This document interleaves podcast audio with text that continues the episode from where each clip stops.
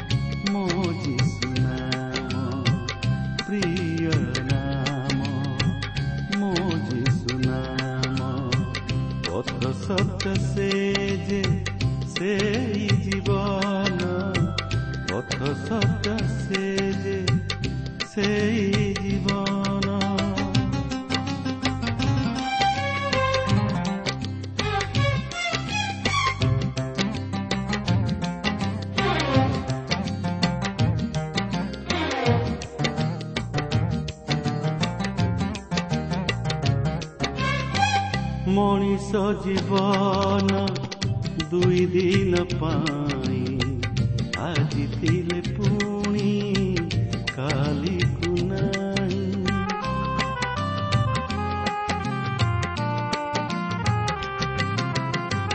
ଆସିଛି ମୁଁ ଏକା ଚାଲିଯିବି ଏକା।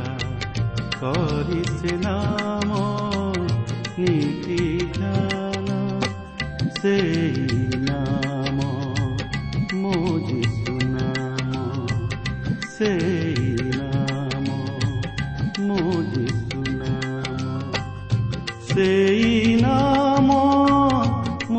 ମୋ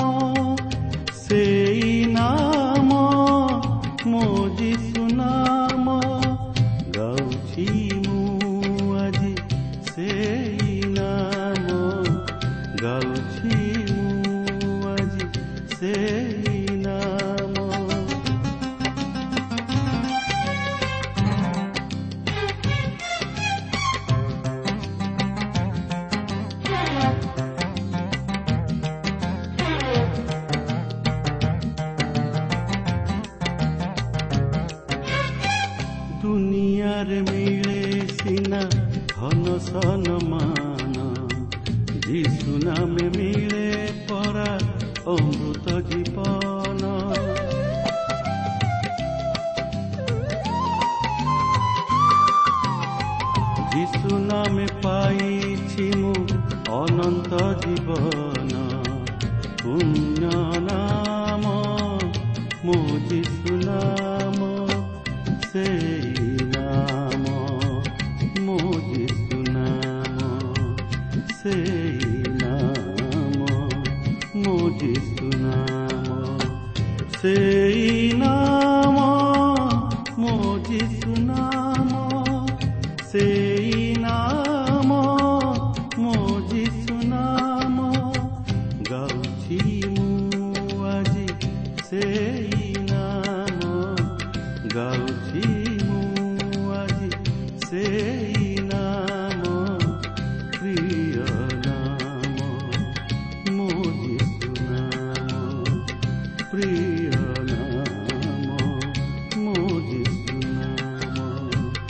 প্রিয়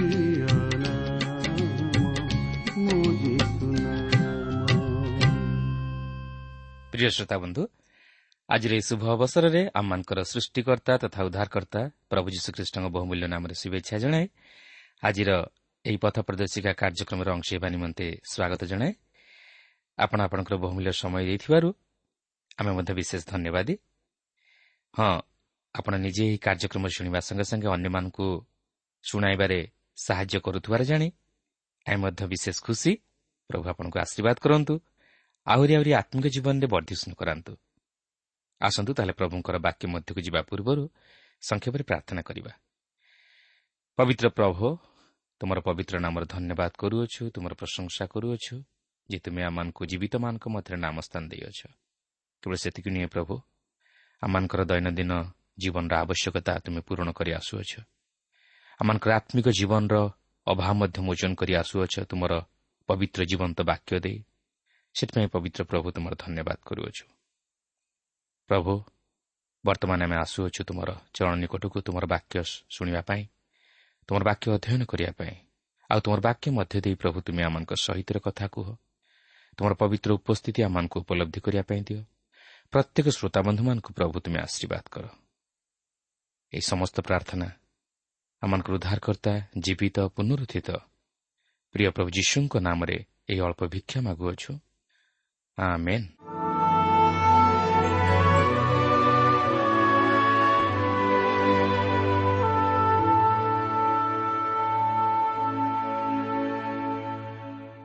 ଆସନ୍ତୁ ବର୍ତ୍ତମାନ ଆମେ ପ୍ରଭୁଙ୍କର ବାକ୍ୟ ମଧ୍ୟକୁ ଯିବା।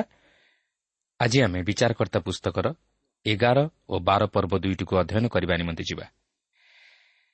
ଆପଣଙ୍କ ହାତରେ ଯଦି ପବିତ୍ର ବାଇବଲ ଅଛି ତାହେଲେ ମୋ ସହିତ ଖୋଲନ୍ତୁ।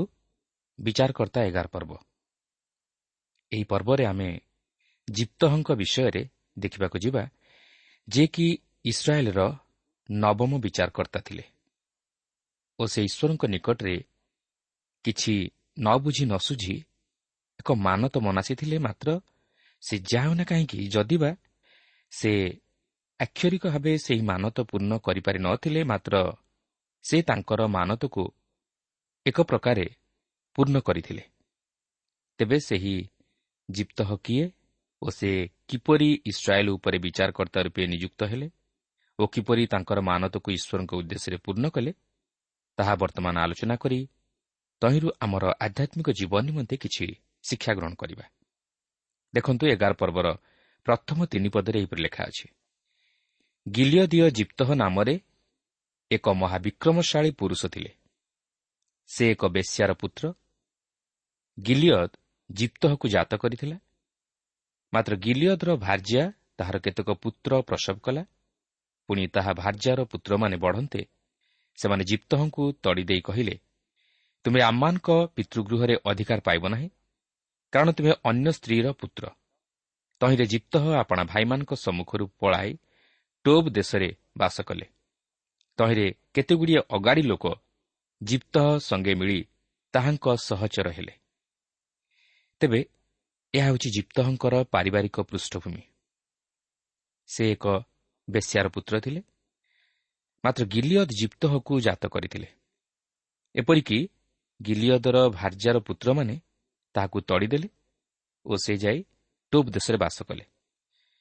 ପ୍ରକୃତିରେ ଦେଖିବାକୁ ଗଲେ ଜିପ୍ତଙ୍କ ଜୀବନରେ ଏହି ଏକ କଳଙ୍କ ରହିଯାଇଥିଲା ଯେ ସେ ହେଉଛନ୍ତି ଜାରଜ ସନ୍ତାନ। କାରଣ ସେ ଜଣେ ବିଜାତିଆ ଓ ଜିହୁଦୀମାନଙ୍କର ଲେଖିବା ଅନୁଯାୟୀ ଜଣେ ଇସ୍ମାଇଲିଆ ବେଶ୍ୟାର ପୁତ୍ର ଥିଲେ। ତେଣୁକରି ଗିଲିୟତର ଭାର୍ଯ୍ୟର ପୁତ୍ରମାନେ ତାହାକୁ ପିତୃଗୃହର ଅଧିକାର ନ ଦେଇ ତଡ଼ିଦେଲେ। ତାଛଡ଼ା ମୂଷାଙ୍କର ବ୍ୟବସ୍ଥା ଅନୁଯାୟୀ ଏହି ପ୍ରକାର ସନ୍ତାନମାନଙ୍କୁ ଈଶ୍ୱରଙ୍କ ସନ୍ତାନଗଣଠାରୁ ବା ଈଶ୍ୱରଙ୍କ ସହଭାଗିତାରୁ ଦୂରରେ ରଖାଯାଉଥିଲା। କିନ୍ତୁ ଏହିପରି ଏକ ଅବହେଳିତ ତାଛଡ଼ା ତୁଚ୍ଛୀକୃତ ଲୋକକୁ ଈଶ୍ୱର ଇସ୍ରାଏଲ୍ର ବିଚାରକର୍ତ୍ତା ରୂପେ ମନୋନୀତ କରୁଅଛନ୍ତି। କାରଣ ଈଶ୍ୱର ଏହିପରି ତୁଚ୍ଛୀକୃତ ଲୋକମାନଙ୍କୁ ମନୋନୀତ କରନ୍ତି। ସେ ସେମାନଙ୍କୁ ନମ୍ର କରନ୍ତି। ଆପଣ ଦେଖନ୍ତୁ ଈଶ୍ୱର ଜୋସେଫଙ୍କୁ ନମ୍ର କଲେ। ମୂଷାଙ୍କୁ ନମ୍ର କଲେ ଦାଉଦଙ୍କୁ ନମ୍ର କଲେ ଏପରିକି ଆପଣ ଦେଖନ୍ତୁ ପ୍ରଭୁ ଯୀଶୁଖ୍ରୀଷ୍ଟ ମଧ୍ୟ ନିଜକୁ ନମ୍ର କଲେ। ସେ ଏହି ଜଗତର ଲୋକଙ୍କ ଦ୍ୱାରା ତୁଚ୍ଛୀକୃତ ଅପମାନିତ ଓ ଘୃଣିତ ହେଲେ। ମାତ୍ର ଈଶ୍ୱର ତାହାଙ୍କୁ ଉଠାଇଲେ ଓ ସମସ୍ତ ନାମ ଉପରେ ତାହାଙ୍କୁ ସର୍ବଶ୍ରେଷ୍ଠ ନାମ ଦେଲେ। ଏହା ହିଁ ହେଉଛି ଈଶ୍ୱରଙ୍କର ରହସ୍ୟମୟ ଯୋଜନା। କାରଣ ଯେଉଁମାନେ ନିଜକୁ ନମ୍ର କରନ୍ତି ସେ ସେମାନଙ୍କୁ ଉପରକୁ ଉଠାନ୍ତି ସେ ସେମାନଙ୍କୁ ଉନ୍ନତ କରନ୍ତି ପ୍ରିୟ ବନ୍ଧୁ ଆଜି ମଧ୍ୟ ଏପରି ଅନେକ ନିଜକୁ ଈଶ୍ୱରଙ୍କ ସନ୍ତାନ ବୋଲି ପରିଚୟ ଦିଅନ୍ତି ମାତ୍ର ବାସ୍ତବରେ ସେମାନେ ଈଶ୍ୱରଙ୍କ ସନ୍ତାନ ନୁହନ୍ତି ସେମାନେ ଜାରଜ ସନ୍ତାନ କାରଣ ସେମାନେ ଏପର୍ଯ୍ୟନ୍ତ ଆତ୍ମିକ ଜୀବନରେ ପୁନର୍ଜନ୍ମ ବା ଆତ୍ମିକ ସ୍ୱଭାବରେ ନୂତନୀକୃତ ହୋଇନାହାନ୍ତି ସେଥିପାଇଁ ଜୋହନ ଲିଖିତ ସୁଷମାଚାର ତହିଁର ପ୍ରଥମ ପର୍ବର ବାର ଓ ତେର ପଦରେ ଏହିପରି ଲେଖା ଅଛି ମାତ୍ର ଯେତେ ଲୋକ ତାହାଙ୍କୁ ଗ୍ରହଣ କଲେ ଅର୍ଥାତ୍ ଯେଉଁମାନେ ତାହାଙ୍କ ନାମରେ ବିଶ୍ୱାସ କଲେ ସେ ସମସ୍ତଙ୍କୁ ସେ ଈଶ୍ୱରଙ୍କ ସନ୍ତାନ ହେବା ନିମନ୍ତେ ଅଧିକାର ଦେଲେ। ସେମାନେ ରକ୍ତରୁ ଶରୀରର ଇଚ୍ଛାରୁ ଅବା ମନୁଷ୍ୟର ଇଚ୍ଛାରୁ ଜାତ ହେଲେ ନାହିଁ ବରଂ ଈଶ୍ୱରଙ୍କଠାରୁ ଜାତ ହେଲେ। ତେଣୁକରି ପ୍ରକୃତରେ ଆମେ ଯଦି ଈଶ୍ୱରଙ୍କ ସନ୍ତାନ ହେବାକୁ ଚାହୁଁ ତାହେଲେ ପ୍ରଭୁ ଯୀଶୁଖ୍ରୀଷ୍ଟଙ୍କୁ ଗ୍ରହଣ କରି ଓ ତାହାଙ୍କ ନାମରେ ବିଶ୍ୱାସ କରି ଆତ୍ମିକ ଜୀବନରେ ନୂତନୀକୃତ ହେଲେ ଆମେ ଈଶ୍ୱରଙ୍କ ସନ୍ତାନ ରୂପେ ଗୃହୀତ ହୋଇପାରିବା। ଆପଣ ଦେଖନ୍ତୁ ଜିପ୍ତ ଯଦିଓ ତାଡ଼ିତ ହୋଇଥିଲେ ମାତ୍ର ସେ ଗୌରବାନ୍ୱିତ ହେଲେ ସେ ସମ୍ଭ୍ରମରେ ବିଭୂଷିତ ହେଲେ। ଏଗାର ପର୍ବର ଚାରିପଦରୁ ଆଠ ପଦ ମଧ୍ୟରେ ଆପଣ ଦେଖିବେ ଯେତେବେଳେ ଅମନ ସନ୍ତାନଗଣ ଇସ୍ରାଏଲ୍ ବିରୁଦ୍ଧରେ ଯୁଦ୍ଧ କଲେ ସେତେବେଳେ ଗିଲିୟଦର ପ୍ରାଚୀନ ବର୍ଗ ଟୋବ୍କୁ ଯାଇ ଜିପ୍ତଙ୍କୁ ସେମାନଙ୍କର ଶାସନକର୍ତ୍ତା ରୂପେ ନିଯୁକ୍ତ କରି ଅମନ ସନ୍ତାନଗଣ ବିରୁଦ୍ଧରେ ଯୁଦ୍ଧ କରି ଇସ୍ରାଏଲ୍ ବଂଶକୁ ରକ୍ଷା କରିବା ନିମନ୍ତେ ତାହାଙ୍କୁ ବିନତି କଲେ। ଆଉ ଆପଣ ଦେଖନ୍ତୁ ସେହି ସର୍ତ୍ତରେ ଜିପ୍ତ ଆସି ଅମନ ସନ୍ତାନଗଣ ବିରୁଦ୍ଧରେ ଯୁଦ୍ଧ କରିବାକୁ ଗଲେ ଯାହାକି ଏଗାର ପର୍ବର ନଅ ପଦରୁ ଅଣତିରିଶ ପଦ ମଧ୍ୟରେ ଲେଖା ଅଛି। କିନ୍ତୁ ମୁଁ ସେହି ଅଂଶକୁ ବର୍ତ୍ତମାନ ପାଠ କରିବା ପାଇଁ ଯାଉନାହିଁ ମାତ୍ର ଏକ ଗୁରୁତ୍ୱପୂର୍ଣ୍ଣ ବିଷୟ ଉପରେ ଆପଣଙ୍କର ଦୃଷ୍ଟି ଆକର୍ଷଣ କରିବା ପାଇଁ ଚାହେଁ ତାହା ହେଉଛି ଜିପ୍ତଙ୍କର ମାନତ। ଦେଖନ୍ତୁ ଏଗାର ପର୍ବର ତିରିଶ ଓ ଏକତିରିଶ ପଦରେ ଏହିପରି ଲେଖା ଅଛି। ସେ ସମୟରେ ଜିପ୍ତ ସଦାପ୍ରଭୁଙ୍କ ଉଦ୍ଦେଶ୍ୟରେ ମାନତ ମନାସି କହିଲେ ଯେବେ ତୁମ୍ଭେ ଅମନ ସନ୍ତାନମାନଙ୍କୁ ନିତାନ୍ତ ମୋହର ହସ୍ତରେ ସମର୍ପଣ କରିବ ତେବେ ମୁଁ ଅମନ ସନ୍ତାନଗଣ ନିକଟରୁ କୁଶଳରେ ଫେରି ଆସିବା ବେଳେ ଯେ କେହି ମୋତେ ଭେଟିବା ପାଇଁ ମୋହର ଗୃହଦ୍ୱାରରୁ ବାହାରି ଆସିବ ସେ ନିଶ୍ଚୟ ସଦାପ୍ରଭୁଙ୍କର ହେବ ଓ ମୁଁ ତାହାକୁ ହୋମବଳୀ ରୂପେ ଉତ୍ସର୍ଗ କରିବି। ଏହା ହିଁ ଥିଲା ଜିପ୍ତଙ୍କର ମୂର୍ଖତା। ସେ କିଛି ନ ବୁଝି ନ ସୁଝି ଈଶ୍ୱରଙ୍କ ନିକଟରେ ମାନତ କରିଥିଲେ। କାରଣ ଈଶ୍ୱର ତାହା ଜିପ୍ତଙ୍କଠାରୁ ଆଶା କରିନଥିଲେ କିମ୍ବା ସେ କୌଣସି ସର୍ତ୍ତ ରଖି ଜିପ୍ତଙ୍କୁ ଏତେ ବଡ଼ ଉଚ୍ଚ ପଦର ଅଧିକାରୀ କରାଇ ନଥିଲେ ମାତ୍ର ଜିପ୍ତ ଉଚ୍ଚ ପଦର ଅଧିକାରୀ ହେବା ହେତୁ ଅତିରିକ୍ତ ଉତ୍ତେଜିତ ହୋଇ ଏହିପରି ମାନତ କରିଥିଲେ। ମାତ୍ର ପରେ କ'ଣ ହେଲା ଜାଣନ୍ତି? ଯେତେବେଳେ ଜିପ୍ତ ଅମନୁ ସନ୍ତାନଗଣକୁ ଜୟ କରି ଯୁଦ୍ଧରୁ ଶାନ୍ତିରେ ଫେରିଆସିଲେ ସେତେବେଳେ ତାଙ୍କର ଝିଅ ବା କନ୍ୟା ତାଙ୍କୁ ଭେଟିବା ପାଇଁ ଦାରା ନେଇ ନୃତ୍ୟ କରୁ କରୁ ଆସିଲା। ତାଛଡ଼ା ସେ ତାହାର ଏକମାତ୍ର ସନ୍ତତି ଥିଲା। ତାହାଛଡ଼ା ତାହାର ପୁତ୍ର କି କନ୍ୟା ନଥିଲା। ଚିନ୍ତା କରନ୍ତୁ ଯଦି ଏପରି କ୍ଷେତ୍ରରେ ଜିପ୍ତହର କୌଣସି ବନ୍ଧୁ ବା ପ୍ରତିବାସୀ ଆସିଥାନ୍ତେ ତାହେଲେ ଜିପ୍ତ କ'ଣ ତାହାଙ୍କୁ ଈଶ୍ୱରଙ୍କ ନିମନ୍ତେ ସମ୍ପୂର୍ଣ୍ଣ ଉତ୍ସର୍ଗ କରିପାରିଥାନ୍ତେ କି? କେବେ ନୁହେଁ। ସେ ନିଶ୍ଚୟ ବହୁତ ଅସୁବିଧାର ସମ୍ମୁଖୀନ ହୋଇଥାନ୍ତେ। ତେବେ ସେ ଯାହା ହେଉନା କାହିଁକି ଜିପ୍ତ ଯଦିଓ କିଛି ନ ବୁଝି ନ ସୁଝି ଈଶ୍ୱରଙ୍କ ନିକଟରେ ମାନତ ମନାସିଥିଲେ ତଥାପି ସେ ତାହା ଏକ ପ୍ରକାରେ ପୂରଣ କଲେ। ଯଦିଓ ସେ ତାଙ୍କର ଝିଅକୁ ହୋମବଳୀ ରୂପେ ଉତ୍ସର୍ଗ କଲେ ନାହିଁ ମାତ୍ର ସେ ତାଙ୍କର ଝିଅକୁ ସମ୍ପୂର୍ଣ୍ଣ ଭାବେ ଈଶ୍ୱରଙ୍କ ନିମନ୍ତେ ଉତ୍ସର୍ଗ କଲେ। ଆଉ ସେହି ଝିଅ ବିବାହ ନ କରି କୁମାରିତ୍ୱ ଅବସ୍ଥାରେ ରହିଲା ଯାହାକି ଆମେ ଏଗାର ପର୍ବର ଅଠତିରିଶରୁ ଚାଳିଶ ପଦରେ ଦେଖିବାକୁ ପାଉ। ତେବେ ଏଠାରେ ଆପଣ ପ୍ରଶ୍ନ କରିପାରନ୍ତି ଯେ ଜିପ୍ତ ତାହାର ମାନତ ଅନୁଯାୟୀ ତାହାର ଝିଅକୁ ହୋମବଳୀ ରୂପେ ଈଶ୍ୱରଙ୍କ ଉଦ୍ଦେଶ୍ୟରେ ଉତ୍ସର୍ଗ କରିବାକୁ ଥିଲା। ମାତ୍ର ସେ ସେହିପରି ଭାବେ ତ ଉତ୍ସର୍ଗ କଲା ନାହିଁ। କିନ୍ତୁ ଏହାର ଉତ୍ତର ହେଉଛି ଯଦିବା ଜିପ୍ତ ତାହାର କନ୍ୟାକୁ ହୋମବଳୀ ରୂପେ ଉତ୍ସର୍ଗ କରିଥାନ୍ତା ତଥାପି ଈଶ୍ୱର ତାହା ଗ୍ରହଣ କରିନଥାନ୍ତେ କାରଣ ଈଶ୍ୱର ଚାହାନ୍ତି ନାହିଁ ଆମେ ନିଜର ସନ୍ତାନ ସନ୍ତତିକୁ ହୋମବଳୀ ରୂପେ ଉତ୍ସର୍ଗ କରୁ ବା ନରହତ୍ୟା କରୁ। ସେଥିପାଇଁ ଦ୍ୱିତୀୟ ବିବରଣ ପୁସ୍ତକର ବାର ପର୍ବର ଏକତିରିଶ ପଦରେ ପରିଷ୍କାର ଭାବେ ଏହି ବିଷୟରେ ଲେଖାଯାଇଅଛି ଯେ ଈଶ୍ୱର ଏହିପରି ହୋମବଳୀ ଚାହାନ୍ତି ନାହିଁ। ସେଥିପାଇଁ ଆପଣ ଦେଖିବେ ଜିପ୍ତ ନିଜର ଝିଅକୁ ଈଶ୍ୱରଙ୍କ ଉଦ୍ଦେଶ୍ୟରେ ବଳିଦାନ ରୂପେ ଉତ୍ସର୍ଗ ନ କରି ଈଶ୍ୱରଙ୍କ ନିମନ୍ତେ ସମ୍ପୂର୍ଣ୍ଣ ଉତ୍ସର୍ଗ କଲେ ଓ ଏହା ମଧ୍ୟ ସେହି ଝିଅ ତାର ନିଜ ମୁଖରେ ସ୍ୱୀକାର କରି କହିଲା ଯେ ମୁଁ ମୋର କୁମାରିତ୍ୱକୁ ସମ୍ପୂର୍ଣ୍ଣ ଈଶ୍ୱରଙ୍କ ଉଦ୍ଦେଶ୍ୟରେ ଉତ୍ସର୍ଗ କରିବି। ଆଉ ସେହି କନ୍ୟା ମଧ୍ୟ କେବେ ହେଲେ ବିବାହ କଲା ନାହିଁ। ସେ ନିଜର କୁମାରିତ୍ୱକୁ ଈଶ୍ୱରଙ୍କ ସେବା ଉଦ୍ଦେଶ୍ୟରେ ସମ୍ପୂର୍ଣ୍ଣ ସମର୍ପଣ କଲା। ତେଣୁ ଜିପ୍ତ ଯଦିଓ ନିଜର ମାନତ ଅନୁଯାୟୀ ନିଜର କନ୍ୟାକୁ ହୋମବଳୀ ରୂପେ ଉତ୍ସର୍ଗ କରିନଥିଲେ ମାତ୍ର ସେ ଏହିପରି ଭାବେ ନିଜର ଝିଅକୁ ଈଶ୍ୱରଙ୍କ ଉଦ୍ଦେଶ୍ୟରେ ସମ୍ପୂର୍ଣ୍ଣ ସମର୍ପଣ କରି ତାହାଙ୍କର ମାନତକୁ ପୂର୍ଣ୍ଣ କରିଥିଲେ ଓ ଏହା ଈଶ୍ୱରଙ୍କ ନିକଟରେ ଗ୍ରହଣ ଯୋଗ୍ୟ ହୋଇଥିଲା। ମାତ୍ର ଏହି ଅଂଶରୁ ଆମକୁ ଏହି ଶିକ୍ଷା ମିଳେ ଯେ ଆମେ ଈଶ୍ୱରଙ୍କ ଉଦ୍ଦେଶ୍ୟରେ କିଛି ନ ବୁଝି ନ ଅନ୍ଧ ଭାବରେ ବା ମୂର୍ଖ ଭାବରେ ମାନତ କରିବା ଉଚିତ ନୁହେଁ। ଯଦି ମାନତ ପୂର୍ଣ୍ଣ କରିବା ପାଇଁ ଆମର ସମ୍ବଳ ନାହିଁ ତାହେଲେ ଆମେ ମାନତ ନ କରିବା ଉଚିତ। କିମ୍ବା ଯାହା ଆମେ ପୂର୍ଣ୍ଣ କରିପାରିବା ନାହିଁ ଏପରି ମାନତ କରିବା ମଧ୍ୟ ଠିକ୍ ନୁହେଁ।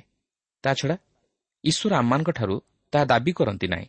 କିନ୍ତୁ ଆମେ ଈଶ୍ୱରଙ୍କ ଉଦ୍ଦେଶ୍ୟରେ ଯାହା ମାନତ ମନାସୁ ତାହା ଯେପରି ପୂର୍ଣ୍ଣ କରୁ ଏହା ଈଶ୍ୱର ଆଶା କରନ୍ତି। କିନ୍ତୁ ତାହା ପୂର୍ଣ୍ଣ ନ କଲେ ଆମେ ଈଶ୍ୱରଙ୍କ ଦ୍ୱାରା ବିଚାରିତ ହେଉ। ସେଥିପାଇଁ ଆପଣ ଦେଖିବେ ଯେ ଉପଦେଶକ ପାଞ୍ଚ ପର୍ବର ଦୁଇ ଚାରି ଓ ପାଞ୍ଚ ପଦରେ ଏହି ମାନତ ବିଷୟରେ ସ୍ପଷ୍ଟ ପ୍ରକାଶିତ ହୋଇଅଛି। ମୁଁ ଚାହେଁ ଯେ ଆପଣ ଆପଣଙ୍କର ବ୍ୟକ୍ତିଗତ ବାଇବଲ ଅଧ୍ୟୟନ ସମୟରେ ଏହି ଅଂଶଟି ପାଠ କରନ୍ତୁ ଓ ତଦନୁଯାୟୀ ଈଶ୍ୱରଙ୍କ ଉଦ୍ଦେଶ୍ୟରେ ମାନତ ମନାସି ତାହା ପୂର୍ଣ୍ଣ କରନ୍ତୁ।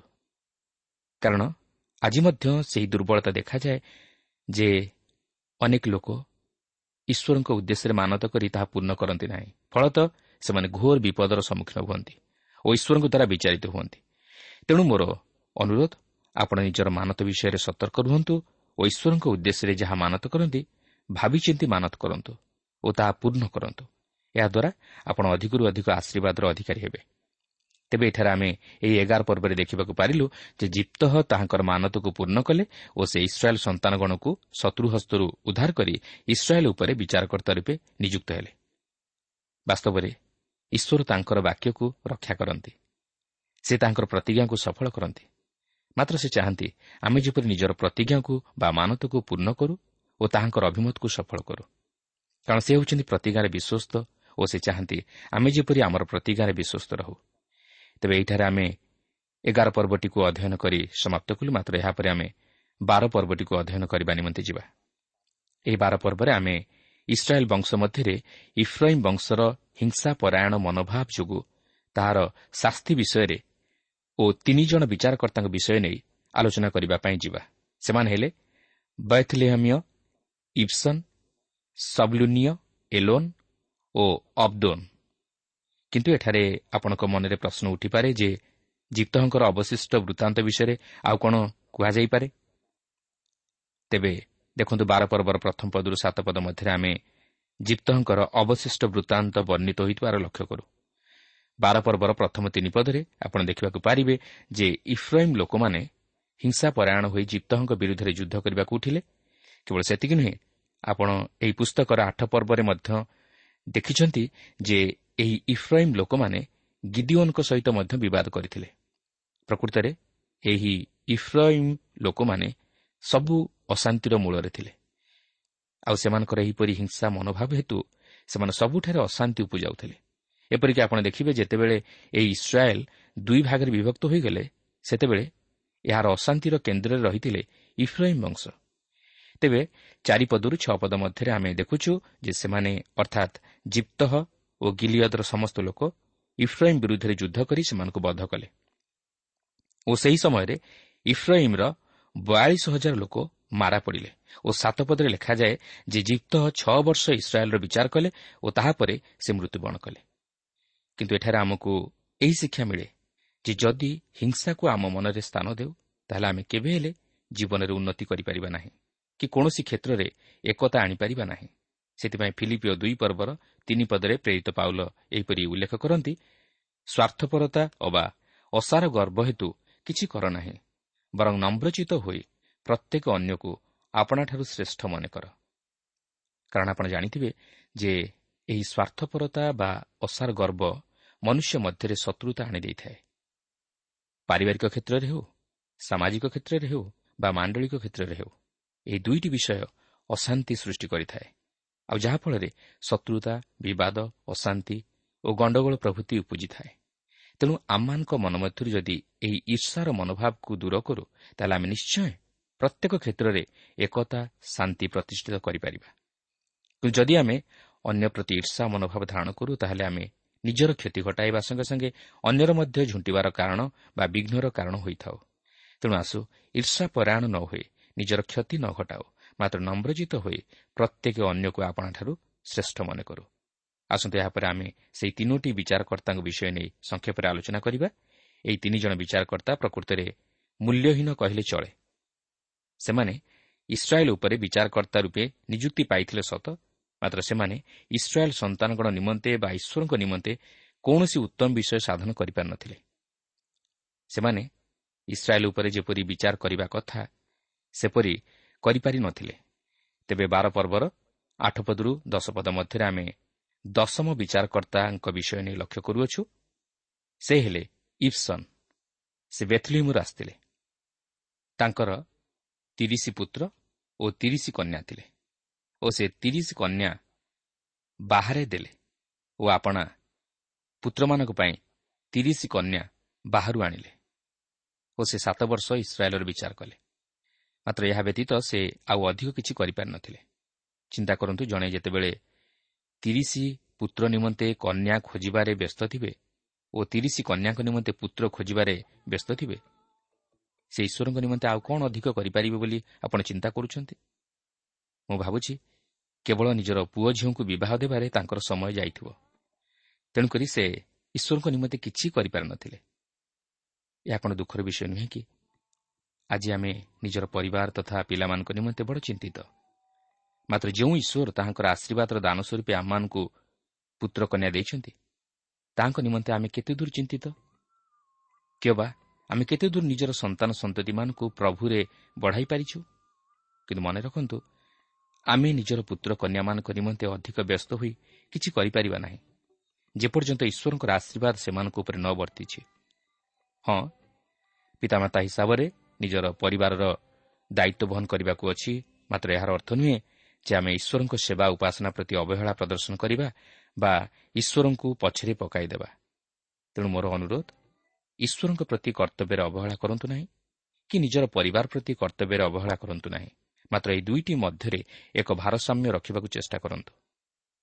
ଏହାପରେ ଇପ୍ସନ୍ଙ୍କ ମୃତ୍ୟୁ ପରେ ଏଲୋନ୍ ଇସ୍ରାଏଲ୍ର ବିଚାର କଲେ ଓ ସେ ଦଶ ବର୍ଷ ଇସ୍ରାଏଲ୍ର ବିଚାର କଲେ। ଏ ଥିଲେ ଇସ୍ରାଏଲ୍ର ଏକାଦଶ ବିଚାରକର୍ତ୍ତା। ଓ ସେ ତାହାପରେ ମଲେ ଯାହାକି ବାର ପର୍ବର ଏଗାର ଓ ବାର ପଦରେ ଲେଖା ଅଛି ତେବେ ସେ ମଧ୍ୟ ଈଶ୍ୱରଙ୍କ ନିମନ୍ତେ ବା ଇସ୍ରାଏଲ୍ ସନ୍ତାନଗଣ ନିମନ୍ତେ କିଛି ଉତ୍ତମ ବିଷୟ ସାଧନ କରିପାରିଲେ ନାହିଁ। ତେବେ ତାହାଙ୍କ ବିଷୟରେ ଆଉ ଅଧିକ କିଛି ଲେଖାଯାଇ ନାହିଁ ତେଣୁ ଆମେ ମଧ୍ୟ ଅଧିକ କିଛି ଆଲୋଚନା କରିପାରିବା ନାହିଁ। ଏହାପରେ ଏହି ବାର ପର୍ବର ତେର ପଦରୁ ପନ୍ଦର ପଦ ମଧ୍ୟରେ ଆମେ ଦ୍ୱାଦଶ ବିଚାରକର୍ତ୍ତାଙ୍କର ପରିଚୟ ପାଉଅଛୁ ସେ ହେଲେ ଅବଦୋନ୍। ତାହାଙ୍କର ମଧ୍ୟ ଚାଳିଶ ପୁତ୍ର ଓ ତିରିଶ ପୌତ୍ର ଅର୍ଥାତ୍ ନାତି ଥିଲେ। ସେମାନେ ସତୁରୀ ଗର୍ଦ୍ଧବ ଚଢ଼ିଲେ। ପୁଣି ସେ ଆଠ ବର୍ଷ ଇସ୍ରାଏଲ୍ର ବିଚାର କଲେ। ଏହାପରେ ସେ ମଲେ। ମାତ୍ର ତାହାଙ୍କ ବିଷୟରେ ଆଉ ଅଧିକ କିଛି ଲେଖାଯାଏ ନାହିଁ। କାରଣ ସେ ମଧ୍ୟ ଈଶ୍ୱରଙ୍କ ନିମନ୍ତେ କିଛି କରିପାରିନଥିଲେ। ଚିନ୍ତା କରନ୍ତୁ ଜଣେ ବ୍ୟକ୍ତିଙ୍କର ଯଦି ଚାଳିଶ ପୁତ୍ର ଓ ତିରିଶ ପୌତ୍ର ହେବେ ତାହେଲେ ସେ ବା ଆଉ ଅଧିକ ଅନ୍ୟ ପାଇଁ ବା ଈଶ୍ୱରଙ୍କ ପାଇଁ କ'ଣ କରିପାରିବେ? ନିଜର ପରିବାରକୁ ଦେଖିବା ନିମନ୍ତେ ଓ ନିଜର ନାତିମାନଙ୍କୁ ଦେଖାଶୁଣା କରିବା ନିମନ୍ତେ ତାଙ୍କର ସମୟ ନଥିବ। ତେଣୁ ପ୍ରିୟ ବନ୍ଧୁ କେବେ ହେଲେ ଅଧିକ ସନ୍ତାନ କରିବାର ଯୋଜନା କରନ୍ତୁ ନାହିଁ। ସରକାରଙ୍କର ନିୟମ ଅନୁଯାୟୀ ଗୋଟିଏରୁ ଦୁଇଟି ହେଲେ ଯଥେଷ୍ଟ। ମାତ୍ର ଅଧିକ ସନ୍ତାନ ପ୍ରସବ କରି ନିଜେ ମାନସିକ ତଥା ପାରିବାରିକ ବ୍ୟବସ୍ଥା ମଧ୍ୟରେ ବୁଡ଼ି ରହି ଈଶ୍ୱରଙ୍କ ସେବା ପ୍ରତି ଅବହେଳା କରନ୍ତୁ ନାହିଁ କି ଈଶ୍ୱରଙ୍କୁ ଭୁଲି ଯାଆନ୍ତୁ ନାହିଁ। ଦୁଇଟି ସନ୍ତାନ ଯଥେଷ୍ଟ। ତେଣୁ ନିଜର ପରିବାରକୁ ଶୃଙ୍ଖଳିତ ରୂପେ ଗଢ଼ିବା ପାଇଁ ଆପଣଙ୍କର ଧୈର୍ଯ୍ୟ ରହିବ ଓ ଈଶ୍ୱରଙ୍କ ପାଇଁ ମଧ୍ୟ କିଛି କରିବା ନିମନ୍ତେ ଆପଣଙ୍କ ହାତରେ ସମୟ ରହିବ। ତେଣୁ ମୋର କହିବାର କଥା ନିଜର ପରିବାର ପ୍ରତି କର୍ତ୍ତବ୍ୟରେ ଓ ଈଶ୍ୱରଙ୍କ ପ୍ରତି କର୍ତ୍ତବ୍ୟ କରିବାରେ ଏକ ଭାରସାମ୍ୟ ରକ୍ଷା କରନ୍ତୁ। କାରଣ ଈଶ୍ୱରଙ୍କର ସେବା କରିବାକୁ ହେଲେ ପରିବାରର ଅନେକ କିଛି ଅବଦାନ ରହିଅଛି। କାରଣ ଜଣେ ଉତ୍ତମ ନାଗରିକ ଭାବେ ଛିଡ଼ା ହେବାକୁ ହେଲେ ପରିବାର ହେଉଛି ମୂଳଦୁଆ। ପ୍ରଭୁ ଯୀଶୁ ଜଗତର ଉଦ୍ଧାରକର୍ତ୍ତା ହୋଇ ଏହି ଜଗତକୁ ଆଗମନ କଲେ ସୁଦ୍ଧା ନିଜର ଜାଗତିକ ପିତାମାତାଙ୍କ ପ୍ରତି ସେ ଅବହେଳା କରିନଥିଲେ ଓ ସେ ନିଜର ଜାଗତିକ ପିତାମାତାଙ୍କର ବଶୀଭୂତ ହୋଇ ରହିଥିଲେ ଓ ପିତାମାତାଙ୍କ ପ୍ରତି ଉପଯୁକ୍ତ କର୍ତ୍ତବ୍ୟ ସାଧନ କରିଥିଲେ ଓ ତାଙ୍କର ପିତାମାତା ଏକ ଆଦର୍ଶ ତଥା ଈଶ୍ୱର ଭୟକାରୀ ପିତାମାତା ଥିଲେ ଯଦ୍ୱାରା ଈଶ୍ୱରଙ୍କ ମହତ୍ ଯୋଜନା ସେହି ପରିବାର ଦ୍ୱାରା ହିଁ ସାଧିତ ହୋଇପାରିଥିଲା। ଆଜି ମଧ୍ୟ ସେହି ପ୍ରଭୁ ଯୀଶୁ ଖ୍ରୀଷ୍ଟ ଆମମାନଙ୍କ ପ୍ରତ୍ୟେକଙ୍କ ଜୀବନରୁ ତାହା ଆଶା କରନ୍ତି। ପ୍ରଭା ପ୍ରତ୍ୟେକଙ୍କୁ ଏହି ସଂକ୍ଷିପ୍ତ ଆଲୋଚନା ମଧ୍ୟ ଦେଇ ଆଶୀର୍ବାଦ କରନ୍ତୁ।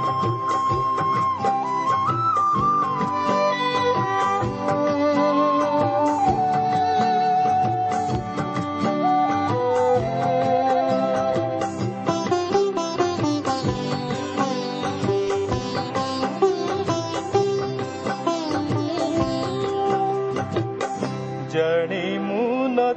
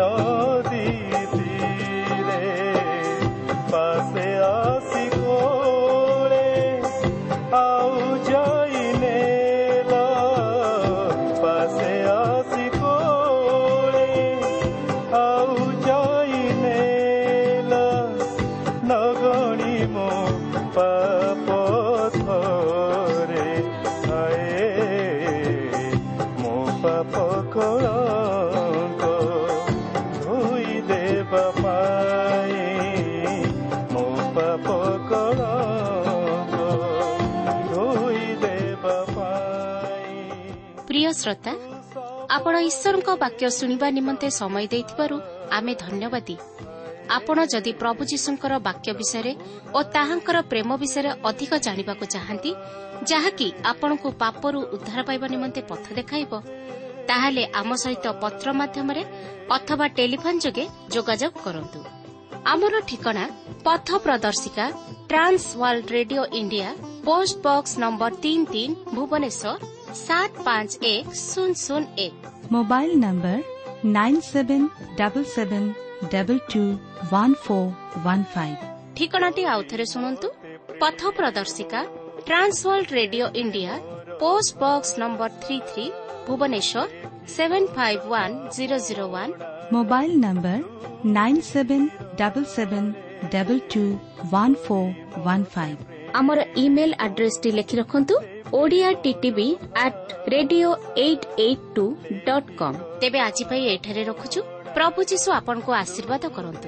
ନମସ୍କାର। ରେ ଦିଅ ହେ ସଖତି କରିବାକୁ